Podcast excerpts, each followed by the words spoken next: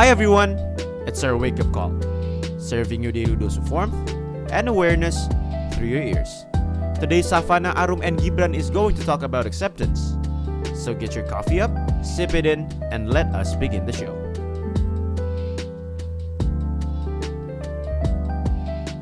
Garap. Hi everyone, it's our wake up call, serving you your daily dose of warmth and awareness through your ears. Hi semua, welcome to Speak Up 7 episode. In today's episode, we're gonna talk about acceptance. Tapi sebelum itu, kita um, aku mau kalian kenalan sama speaker kita. Hari ini aku nggak sendiri, um, aku bertiga. Tapi first of all, I would like to introduce myself. My name is Safa or Safi, and I'm really excited to take part as a podcaster in our wake up call.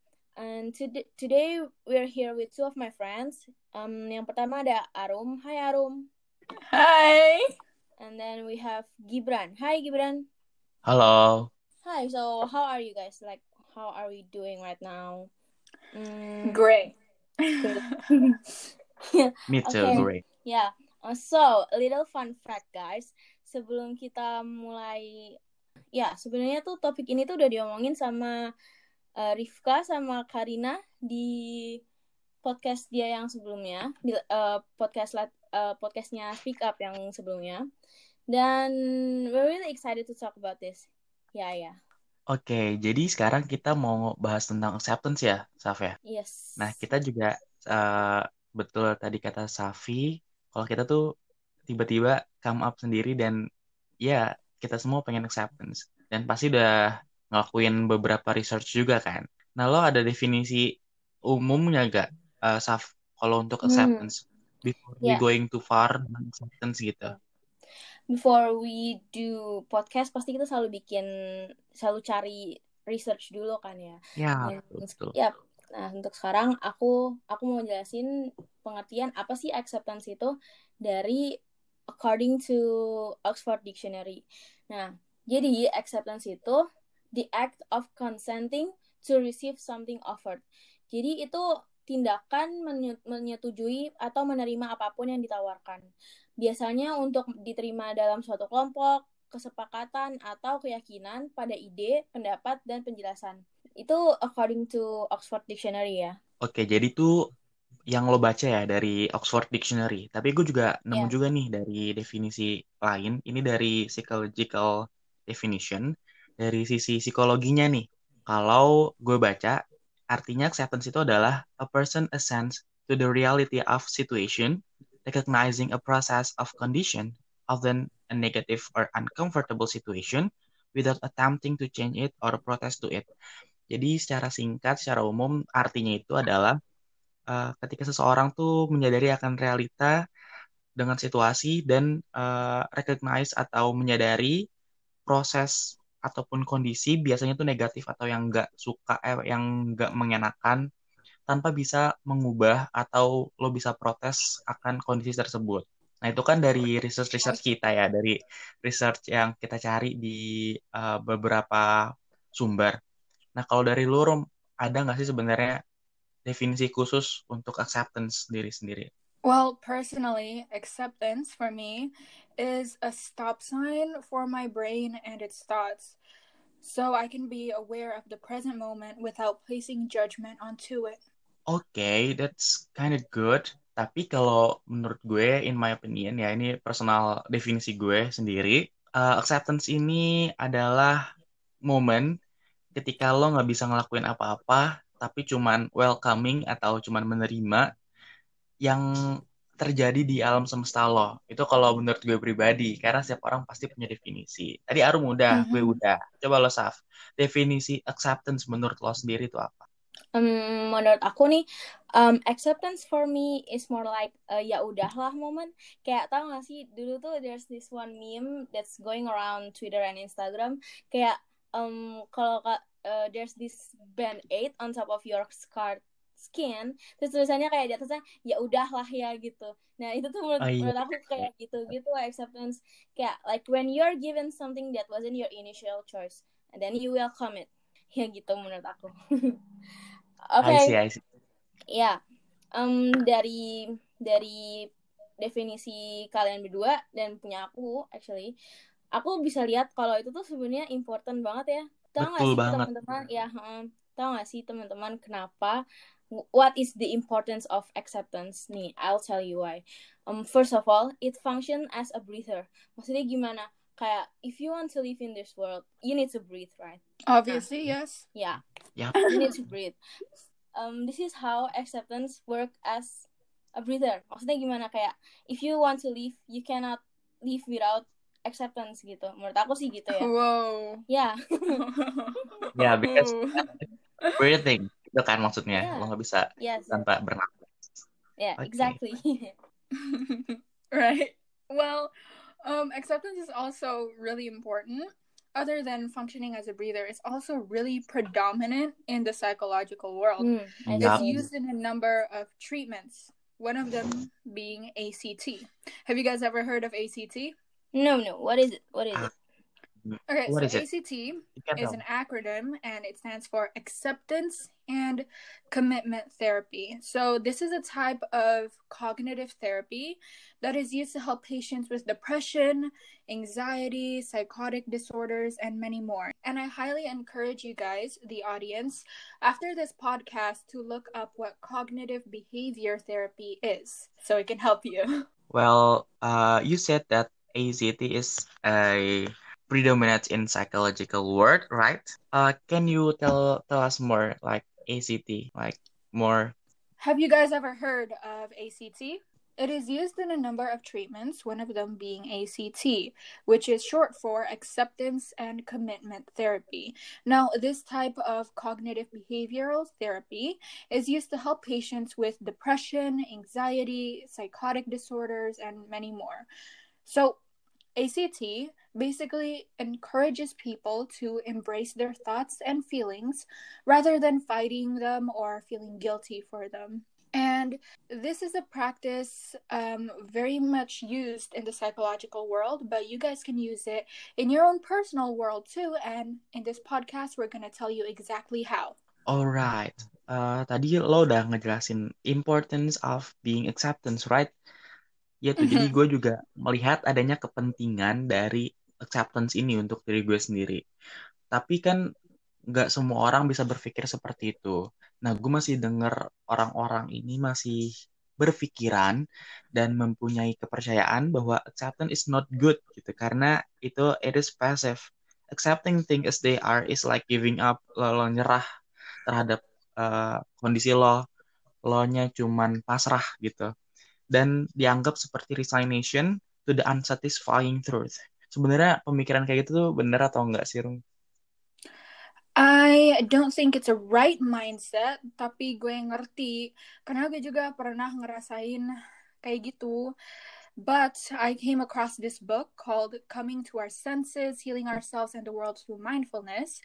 And the author, John Kabat-Zinn, wrote, Acceptance doesn't, by any stretch of the imagination, mean passive resignation. Quite the opposite. It takes a huge amount of fortitude and motivation to accept what is, especially when you don't like it. Hmm. And what this means is basically acceptance is stopping your mind's thoughts about how things should be and putting them aside because it is only through acceptance that you can change what needs to be changed. And if you have tried to stop your mind before, you would know that it is not an easy feat whatsoever. Itu susah banget. Hmm. And Yep. I know I know that I shouldn't be saying that because I want our audience to apply it in their lives, but gue jujur aja, itu susah banget, itu nggak pasif. Um, you are essentially changing your mind. Ah, I see. That's a good point, Arum. But um, I think we also did a research on why it's worth it, and I'll tell you why. Um, why it is beneficial for you to learn about acceptance. Um, yang pertama ada ini, you don't live upon someone else's life, you live upon yours. Maksudnya gimana? Contohnya kayak misalkan kalian ini um, lagi di SMA nih, and then your parents expe- expected you to have good grades, and then like yeah, and everything that is prideful gitu.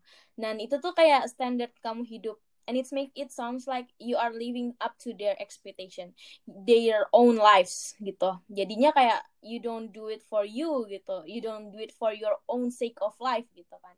Dan Iya. ya kan? Terus yang kedua ini um, acceptance allows us to assert our own needs while also accepting that someone may feel differently from us. Kayak mm, acceptance itu memungkinkan kita untuk menegaskan kebutuhan kita sendiri. Sementara juga menerima bahwa orang lain tuh punya um, apa ya prioritas mereka sendiri yang berbeda dan misalnya sambil memahami memahami mengapa mereka merasa seperti itu kayak basically just like being respectful. And this approach paves the way for mutual respect and cooperation. Sih respect. Nah ini tuh kayak um, the my way or a highway perspective. Gitu sih. Dan uh, ini kayak testimoni nih kayak personal benefits nih dari aku. Kalau dari aku nih sejak semenjak aku belajar tentang acceptance aku merasa aku lebih confident for doing absolutely anything in my own life. Kayak bener-bener aku bener-bener at confident and do everything for me gitu dan aku Mhm. selalu ikhlas dengan lakuin sesuatu dan ya yeah, I can really see myself growing after I learn about um, acceptance kalau Gibran gimana ada nggak kayak personal benefits dari belajar tentang acceptance Well, menurut gue pribadi, emang sebenarnya benefitnya tuh gede banget dan banyak banget sebenarnya. Tapi menurut gue yang benar-benar ngefek sampai sekarang dan masih gue rasain juga, itu adalah gue bisa berpikir lebih jelas lagi, think clearly, dan menentukan step untuk ke depannya. Which is, Mhm. menurut gue itu sangat penting karena ketika ketika kita ada di bera- berada di posisi yang nggak mengenakan, kita harus berpikir lebih jernih kan untuk menangkap eh, apa langkah yang akan kita gunain selanjutnya. Itu menurut gue penting banget. Iya. Kalau di gue ya, kalau di tadi kan udah gue lo juga udah, Arum juga nih. Kalau di Rom gimana lo? Okay, got it. My turn. Um, well, I kind of agree with you, Gibran. Not only do thoughts like cloud up our mind, they also cloud up our vision and prevent us from uh, taking the right step into the future. And acceptance really, really helped me with that. It really helped me clear my mind and think better, and it just was an overall improvement to my life. And our personal benefits didn't come from nowhere. They're actually backed up by science. Studies show that by slowing down, being mindful, and experiencing and expressing appreciation, aka acceptance, will make you happier. By doing that and focusing on it, neuroscience demonstrates new neural connections are made and strengthened. This makes it more likely to occur in the future. Like when you practice a skill or memorize something, then in the future, it's easier for you to come back to that skill or remember that thing you memorized. So, as neuropsychologists are fond of saying, neurons that fire together wire together. Over time, you'll find Mhm. yourself happier, calmer, and experiencing more joy. It's science. So, now that you guys have heard all of these amazing benefits, how exactly can you apply acceptance into your life? Well, here is one out of many of them. This is called the stop response. This is called the stop response. So, S, slow your breathing. Enter into a quick and simple mindfulness practice. You can close your eyes and just focus on your breathing. Then T, take note. Notice what you are experiencing in the present moment. O, open up. Allow yourself to feel without judgment or avoidance. A lot of people tend to run away from what they are feeling or thinking, but it doesn't really help anyone. You need to sit there for a moment and allow yourself to feel because it's okay. And finally, P. Pursue your values. Decide what the best course of action is based on your most important values. See? Stop. S T O P. Well, that's just one of them. Here's another one that really helped me when I wanted to apply acceptance into my life. Know that your mind is not you. So, what does that exactly mean? Well, a philosopher named Hegel and Sartre said, Hey, did you know that your existence is only something that you can become aware of through other people? So when you are looking at yourself, you are actually looking at yourself through the eyes of an audience. Quote, by the mere appearance of the other, says Sartre in Being and Nothingness, I am put in the position of passing judgment on myself as on an object, for it is an object that I appear to the other. End quote. Basically, you are forced to look at yourself from a second person point of view because that is how other people see you. For example, mm. have you ever done something embarrassing? And then there's a thought in your head saying, That was stupid. You're stupid. Why did you do that? You know? Yeah. It can be actually really harsh sometimes. Right. It's like a critic, an audience yeah. member, unsatisfied with the show. Mm-hmm. Well, that's you being aware of yourself through the minds of other people. That is you being an audience member. Okay, so why am I such a bad audience member? You might be thinking, why do I say these horrible things to myself? Well, everyone knows the movie Inception, right? Yeah, Inception. Right. I mean, I well, have, and... I haven't, but whatever. Oh. Safa's missing out, and major spoilers for her and to anyone who is also missing out on Leonardo DiCaprio's best film. But oh, anyways, oh God. it's a movie about people going into a man's brain and planting a thought in his head. So that's essentially what we have been letting other people do in our lives.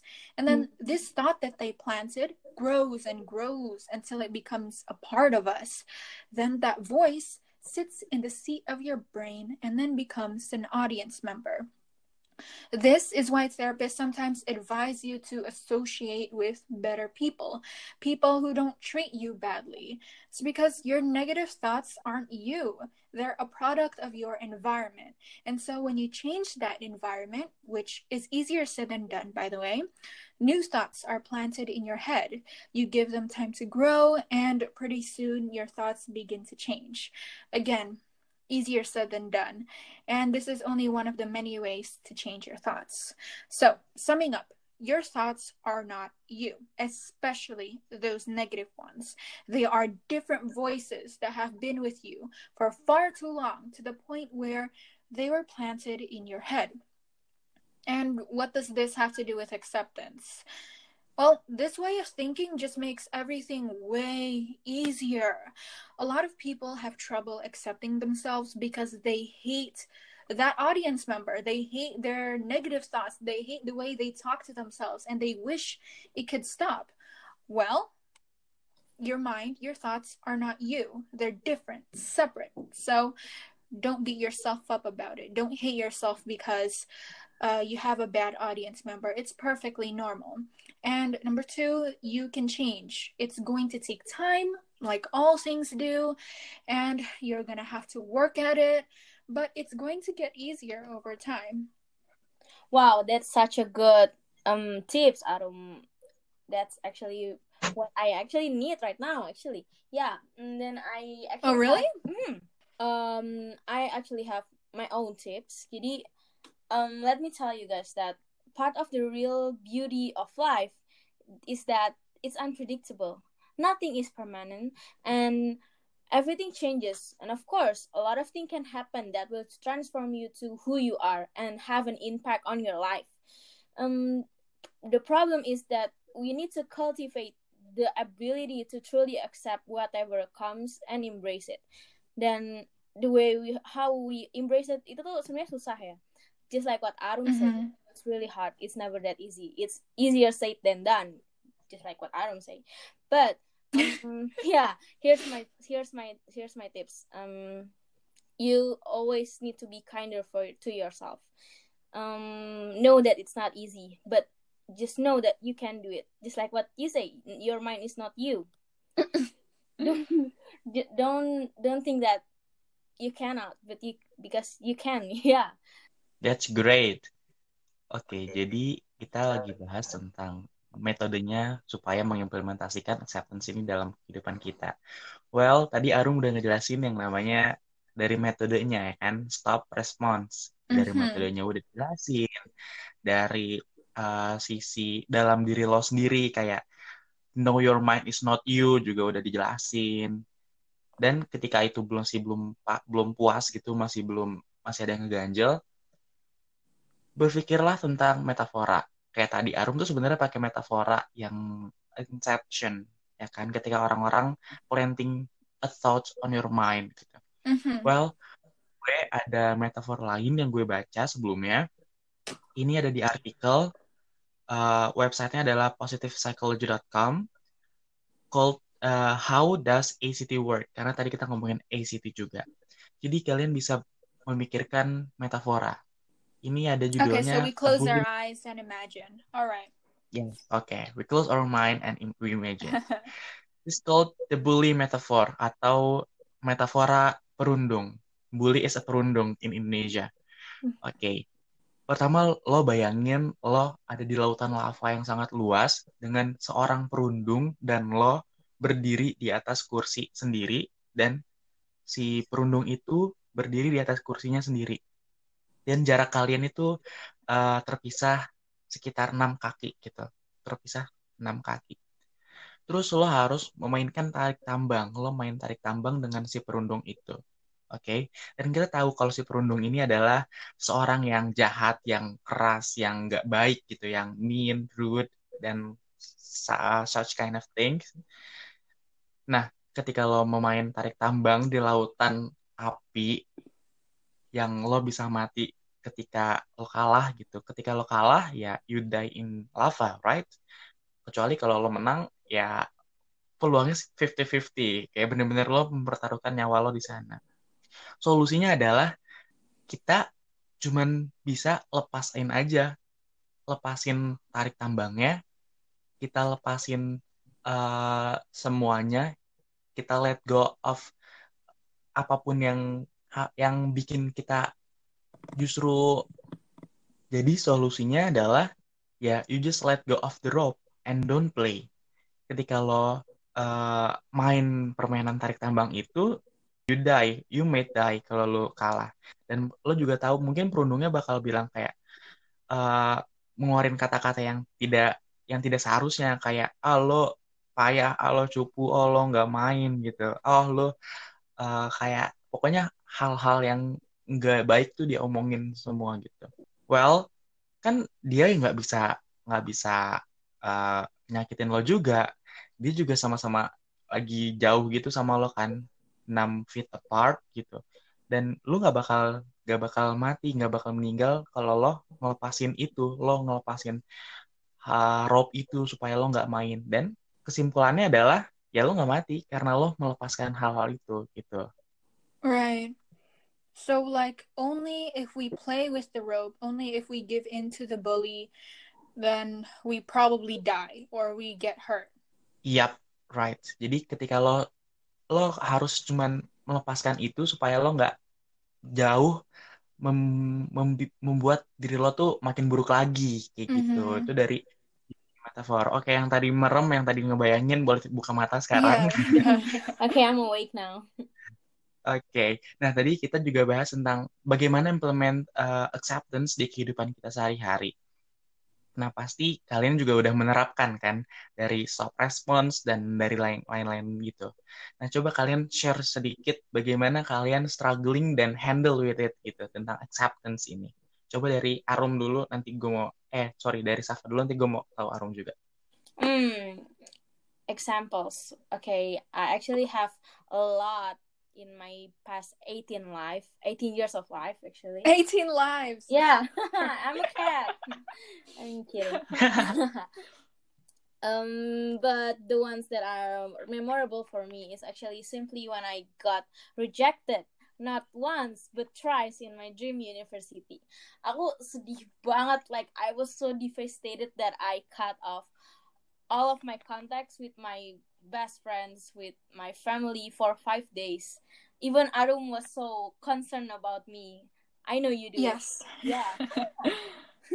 yeah, aku kayak aku sedih banget dan aku I blame myself for everything for that every day gitu Then it made me think that it made me think that I am undeserving of a good quality of education I feel sick and in a loss of will to live and I feel like the entire world isn't on my side anymore dan aku kayak wah udah deh.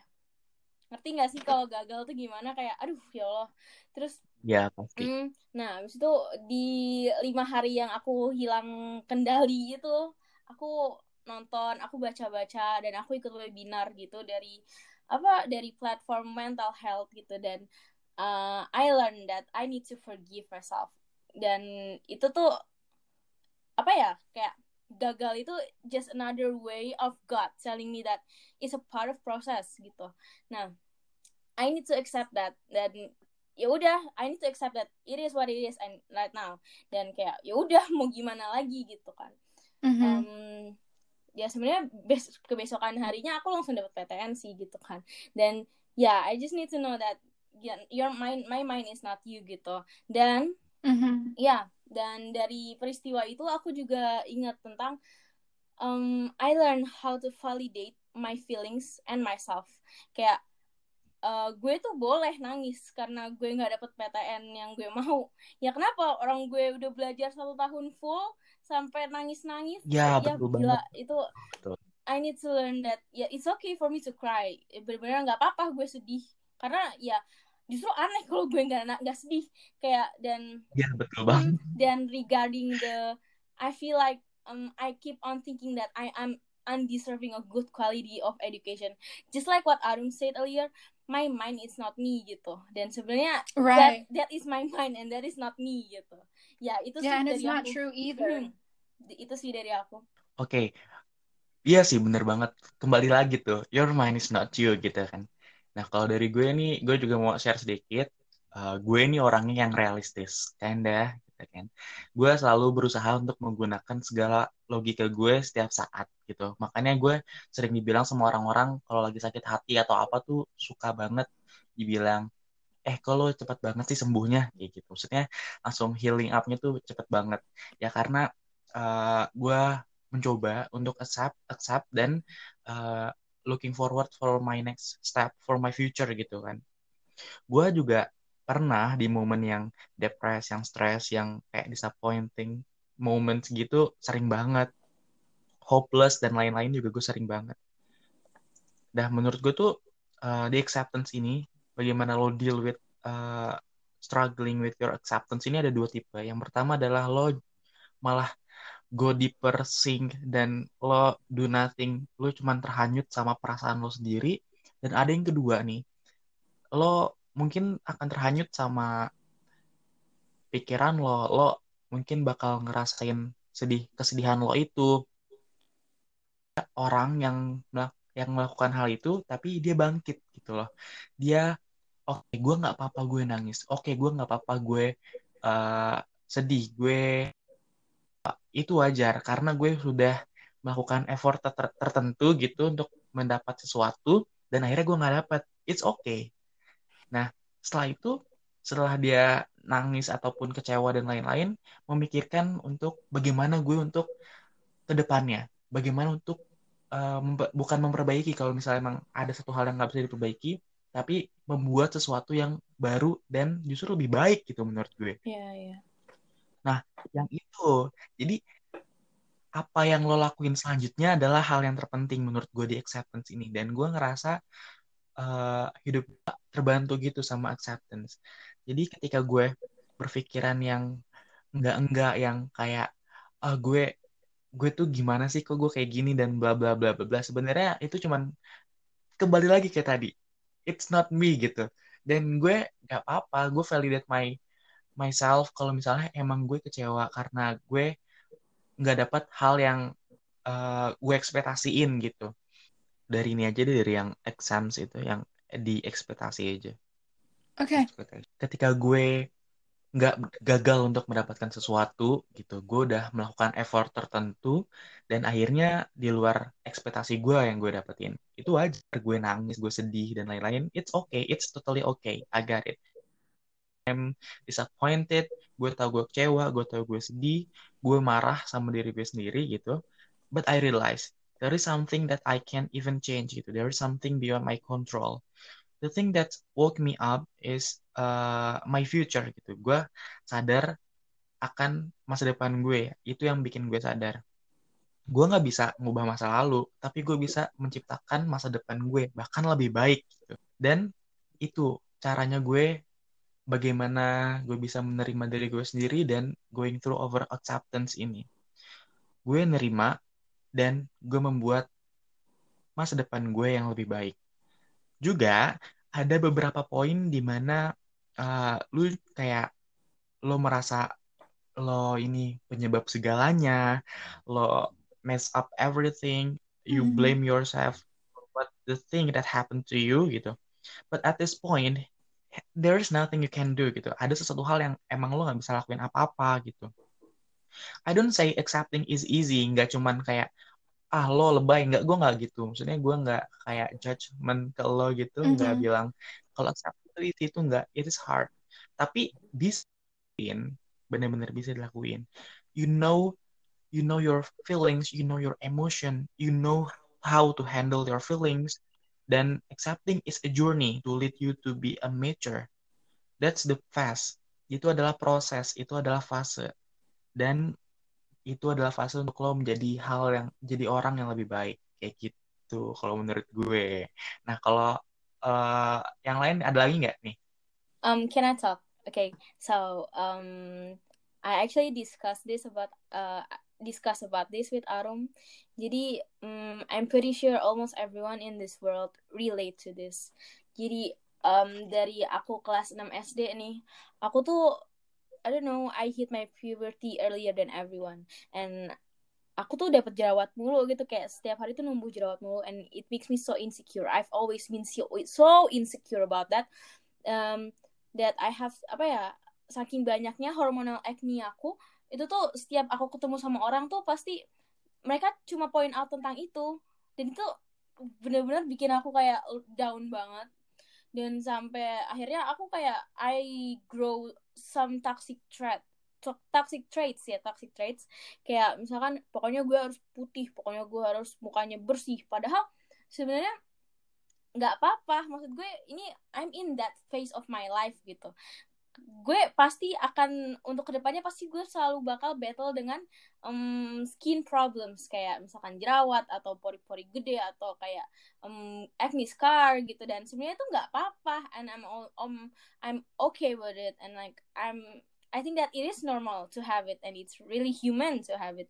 Ya ya kan Rum? Yeah, I totally understand being insecure about your body or your face. Even though like there's this voice in your head that tells you, hey, no, acne does not define your worth. The way you weigh does not define your worth. None of that matters. But then there's this other voice inside your head that's like, you're worthless because you have acne. You're worthless because you're fat and stuff like that. Again, that's the critic inside your head.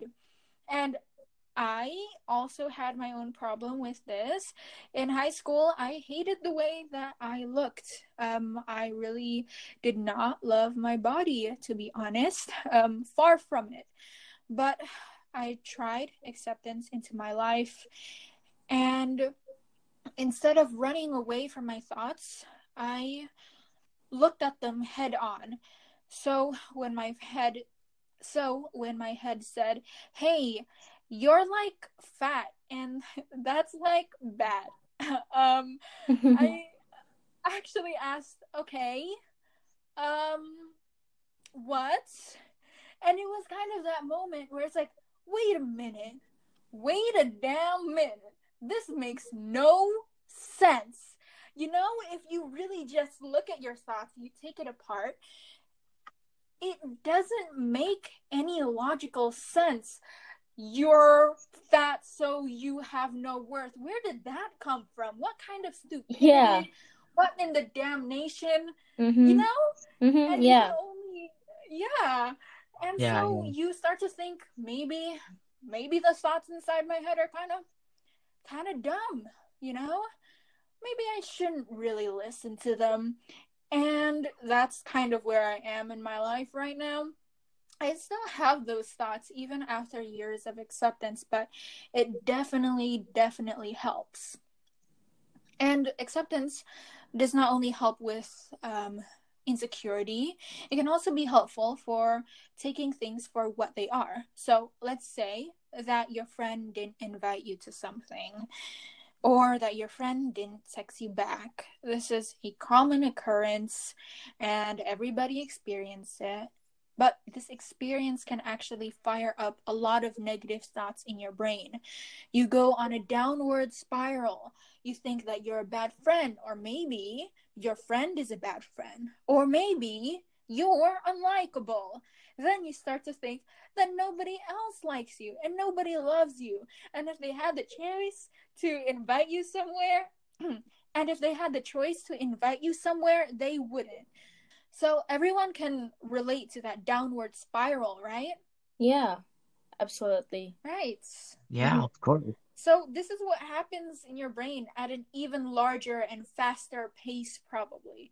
And this is where we need acceptance. So instead of attaching negative conspiracies or opinions um, to what happened, try to stop your thoughts and then break them apart. Does it actually make sense? Um, is this logical? Would you say it out loud? And then once you ask yourself those questions, you're probably going to realize that your brain is a little bit cuckoo bananas and that you shouldn't attach any feelings to it. Acceptance. Okay, so this was really fun, but I think we're gonna have to come to a halt. But before we stop, um, do my fellow podcasters have any last words that they want to say to the audience? Well, uh, dari gue sih ya, untuk uh, summarizing this all up versi gue gitu, last word. Menurut gue, accepting is not easy, right? When you choose something, it means you also accept the risk gitu. It's okay not to be okay at the moment, but for me, find your wake up call accept, and create your better future. Itu dari gue. That's nice. I see what you did there with Wake Up Call.